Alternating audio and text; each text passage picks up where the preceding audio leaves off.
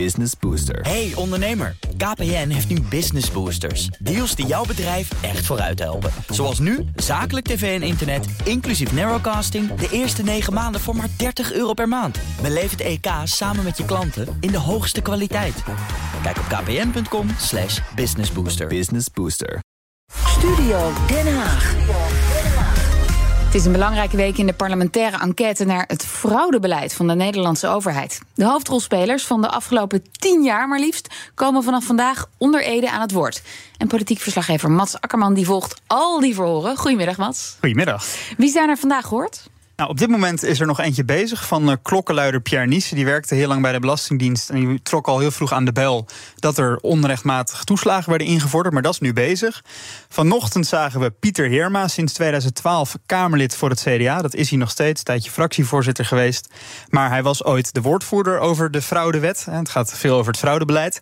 Uh, en daarna, dat was het hoogtepunt van de dag, duurde heel lang Lodewijk Asscher van 2012 tot 2017 minister van Sociale Zaken in Rutte 2. Uh, die zelfs op een gegeven moment terugtrad als PvdA-leider Ja, vanwege, vanwege de die, eh, toeslagenaffaire. Ehm, dus ja, dat, dat duurde heel lang, meer dan drie uur. Die zijn vandaag geweest. Oké, eerst dus CDA-Kamerlid Pieter Heerma. En waarom wilde de enquêtecommissie hem dan horen? Nou, we moeten even terug in de tijd dan. Hij werd in 2012 Tweede Kamerlid. Toen was de fraudewet was net aangenomen door eh, kabinet Rutte 1. Met steun van zijn partij, het CDA. Die zaten in Rutte 1. Eh, maar Pieter Heerma, eh, Kamerlid werd hij in de oppositie... kreeg al vrij snel door, dit gaat niet goed met die fraudewet. Ik ruik nattigheid. Dit, deze wet pakt in de praktijk veel te hard uit. Nou, je moet even voorstellen, Heerma was net woordvoerder sociale zaken. Heel groot ministerie is dat. Dus je moet heel veel dingen in één keer doen. Eh, fraudewet, van alles. En een van de dingen waar het dus vandaag over ging... hoe kan het nou dat je over de kinderopvangtoeslagaffaire... geen signalen ontving in die tijd... maar over die fraudewet wel zoveel signalen? In deze casus vind ik het contrast met de fraudewet, waarbij zo snel, zo duidelijk aan zoveel kanten naar voren kwam: dit kan niet, dit klopt niet. Uh, uitvoerders die zeggen: wij zijn echt tegen fraude, maar deze wet die, die doet iets heel anders. Uh, het contrast tussen, tussen dat enerzijds en het afwezigheidssignaal van de signalen rondom de kinderopvang vind ik heel groot. Ja. Die fraudewet, dat ging over uitkeringen, toch? Over uitkeringsfraude. En dat kwam vooral aan de bod bij het voor van Henk Kamp, minister van Sociale Zaken onder Rutte 1. En die zei in dat voor, hè, fraude aanpak is, was echt een prioriteit van mij. Dus daar ging het op door, dit eigenlijk. Ja, want wat, wat was vrij klassiek, toch, wat hij zei? Hij zei ja, het beeld was dat er heel veel fraude gepleegd werd. Ja, en hij had het gevoel dat er meer fraude werd gepleegd dan zijn ambtenaren hem vertelden. En dus moest die aanpak moest strenger. Maar dat leek toch ook wel een beetje onderbuik te zijn. Maar dan, op dit moment in de tijd gaat Heerma dus twijfelen aan de fraudewet. En waardoor kwam dat? Nou, hij gaat werkbezoeken doen. Als Kamerlid doe je dat natuurlijk heel vaak. En hij praat met uitvoeringsorganisaties, het UWV, gemeentes, uh, wethouders. En die zeggen allemaal tegen hem: deze aanpak is te streng. We hebben helemaal geen ruimte. En eigenlijk kunnen we alleen maar hele hoge boetes opleggen. Ja. En dat leidt ertoe dat in 2013 al, als Heerma pas een jaar Kamerlid is, dat hij al heel stellig dit debat ingaat. Er kwamen steeds meer voorbeelden naar voren van dat die wet in de praktijk, dus mensen die een vergissing maakten, keihard aanpakten. En, uh, en dus mensen die dus in de uitvoering die daarmee mee worstelden. En dus ook signalen van gemeenten zeggen: ja, we, do, we, doen het gewoon niet. We, gaan, we leggen die boetes niet op, want we vinden het niet, niet kunnen. En ik heb, denk ik, die ochtend van het, van het debat uiteindelijk de knoop doorgehakt van ik ga, ik ga het gewoon doorstellen. En toen dacht ik, ik ga, gewoon, ik ga er gewoon hard in. De optelsom van de signalen waren dusdanig dat ik dacht, ja, het staat misschien in mijn eigen verkiezingsprogramma. We hebben voorgestemd, maar dit kan gewoon niet. Ja, dus ze zegt het CDA had ook in het programma staan strenge fraudeaanpak. Maar ik zie in de praktijk, dit is te streng. Uh, er is geen ruimte om mild te zijn. Um, hij schetst zelfs een situatie dat er mensen zijn die expres hun uh, boetebedragen laten oplopen tot boven de 50.000 euro. Zodat ze in het strafrecht terechtkomen in plaats van in het bestuursrecht. Nee. Omdat ze daar beter behandeld worden. Dus echt heel schrijnend. Nou, dan komen er twee moties. Eentje past de fraudewet helemaal aan, maar Heerma weet al, daar is geen draagvlak voor. Dus hij komt alvast met een andere motie. Kijk naar het begrip verwijtbaarheid. Wanneer is het verwijtbaar dat jij een fout maakt als je bijvoorbeeld een formuliertje fout invult? En op werkbezoek bij het UWV hoorde die uh, ja, hoe ze daar naar kijken. En dat is in mijn herinnering het eerste moment waarvan uit het UWV duidelijk de signalen uh, terugkomen over wat deze wet in de praktijk doet. Dat gaat met name over de minimumboete. Maar daar wordt ook de vraag gesteld wanneer, en dat, uh, je moet dat zelf maar aankomen, wanneer is iemand 100% minder verwijtbaar? En het antwoord daarop was als iemand in coma lag. Ja, nee. dus het UWV, als je in coma lag en je maakte een foutje op het formulier, dan, was het, uh, dan kon het jou niet worden aangerekend. Maar in bijna alle andere gevallen kreeg je gewoon 100% van de boete opgelegd. En dat was vaak dus het fraudebedrag plus 100%. Dus stel je had 1000 uitkering te veel ontvangen, dan kreeg je ook nog 1000 boete. Dus keer twee gewoon. Hè? Ongelooflijk. Een hele grote bedrag. En, en, het ging ook om hele lullige foutjes. Hè? Want ook al heb je één cijfertje in je geboortedatum of het gebeurt uh, fout, Exact, het dan, kon een hele kleine fout zijn. En het gaat om mensen aan, met een bijstandsuitkering. Dus mensen die het financieel heel krap hebben. Waarbij dus zo'n boete ook meteen echt een enorme aanslag is op je rekening. Dus echt heel erg buitenproportioneel. Maar eh, dan naar Lodewijk Asscher, want die ja, dat kunnen we wel zeggen, erfde eigenlijk deze fraudewet van voorganger Henk Kamp. Hoe vond Ascher die wet? Ja, Ascher stond heel duidelijk in zijn voor anders in de wedstrijd dan Henk Kamp. Hij zei, fraudebestrijding was voor mij geen prioriteit. Een van mijn prioriteiten was bijvoorbeeld de werkloosheid aanpakken. Het was net na de financiële crisis. Uh, hij zag dat er 30.000 werklozen per maand soms bij kwamen. En die wilde hij weer aan het werk helpen. Dus een hele andere kijk op die fraudewet. Ik vond die fraudewet heftig, zei ik al. Uh, en heel streng. Mm -hmm. Zo keek er te gaan. Hoe belangrijk vond u fraudebestrijding? Uh, ik, ik, had net al toegegeven dat het niet mijn grootste prioriteit had. Omdat ik vooral was gekomen om uh, werkloosheid te helpen bestrijden. Om er te staan in die crisis. Ik wilde vooral proberen voor mensen dingen te bereiken. Maar goed, de PvdA zat in kabinet Rutte 2 met de VVD, die dus zo heel erg voor die fraudewet waren. En in dat kabinet zat ook Henk Kamp, die was inmiddels naar uh, economische ah, zaken. Maar ja. dat was dus de voorganger van Ascher die die wet had ingevoerd. Maar die zat ook met hem in het kabinet. En die was nog steeds heel erg voor die wet. Dus hij kon niet zomaar daar aanpassingen aan Nee, hij kon het niet onder op de stapel leggen. Nee, nee, nee, die keek nog even mee. En dan komen er dus signalen vanuit de uitvoeringsorganisaties, zoals UWV en de Tweede Kamer, dat die fraudewet niet werkt. En wat doet Ascher dan? Nou, die neemt hij wel serieus, de signalen. Bijvoorbeeld van Pieter Heerma, ook Steven van Wijberg, D66, Sadet Karabulut van de SP.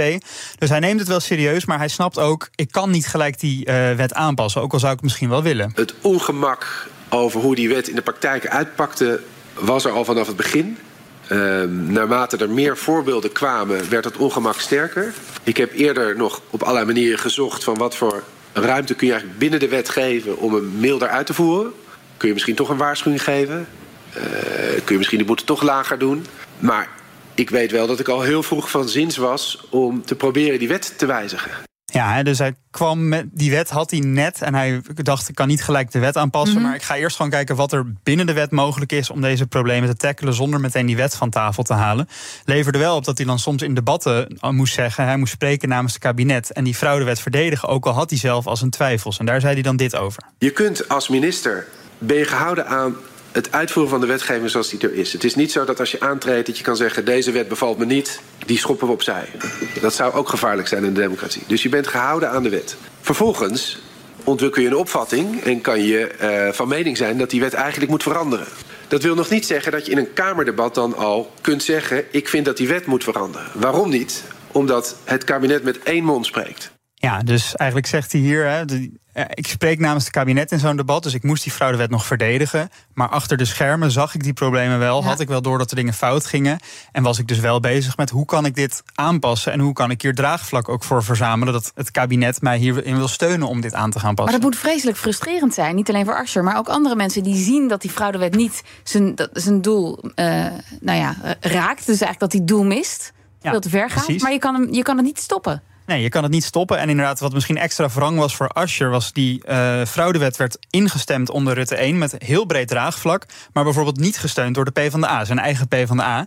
Hij erft dan die wet, moet hem wel gaan uitvoeren. Ja. Uh, maar hij kreeg wel langzaam gedurende zijn ministerschap... een beetje het tij mee. Want je zag dus dat veel partijen die voor die fraudewet waren, dat die langzaam één voor één gingen draaien. Ja, precies. Ja. Dus op een gegeven moment was er niet meer een meerderheid voor die strenge wet, maar kantelde het zeg maar een beetje juist richting Ascher ja. en zijn uh, mening daarover. Een belangrijk moment in allebei de verhoren kwam dat terug. Is een uitspraak van de Centrale Raad van Beroep in 2014. Wat is die Centrale Raad van Beroep? Ja, dat is het hoogste orgaan in het uh, bestuursrecht. Dus dat is de hoogste rechter daarin. Uh, waar dus deze uitkeringsboetes onder vielen. Ja. Omdat ze niet in het strafrecht vielen.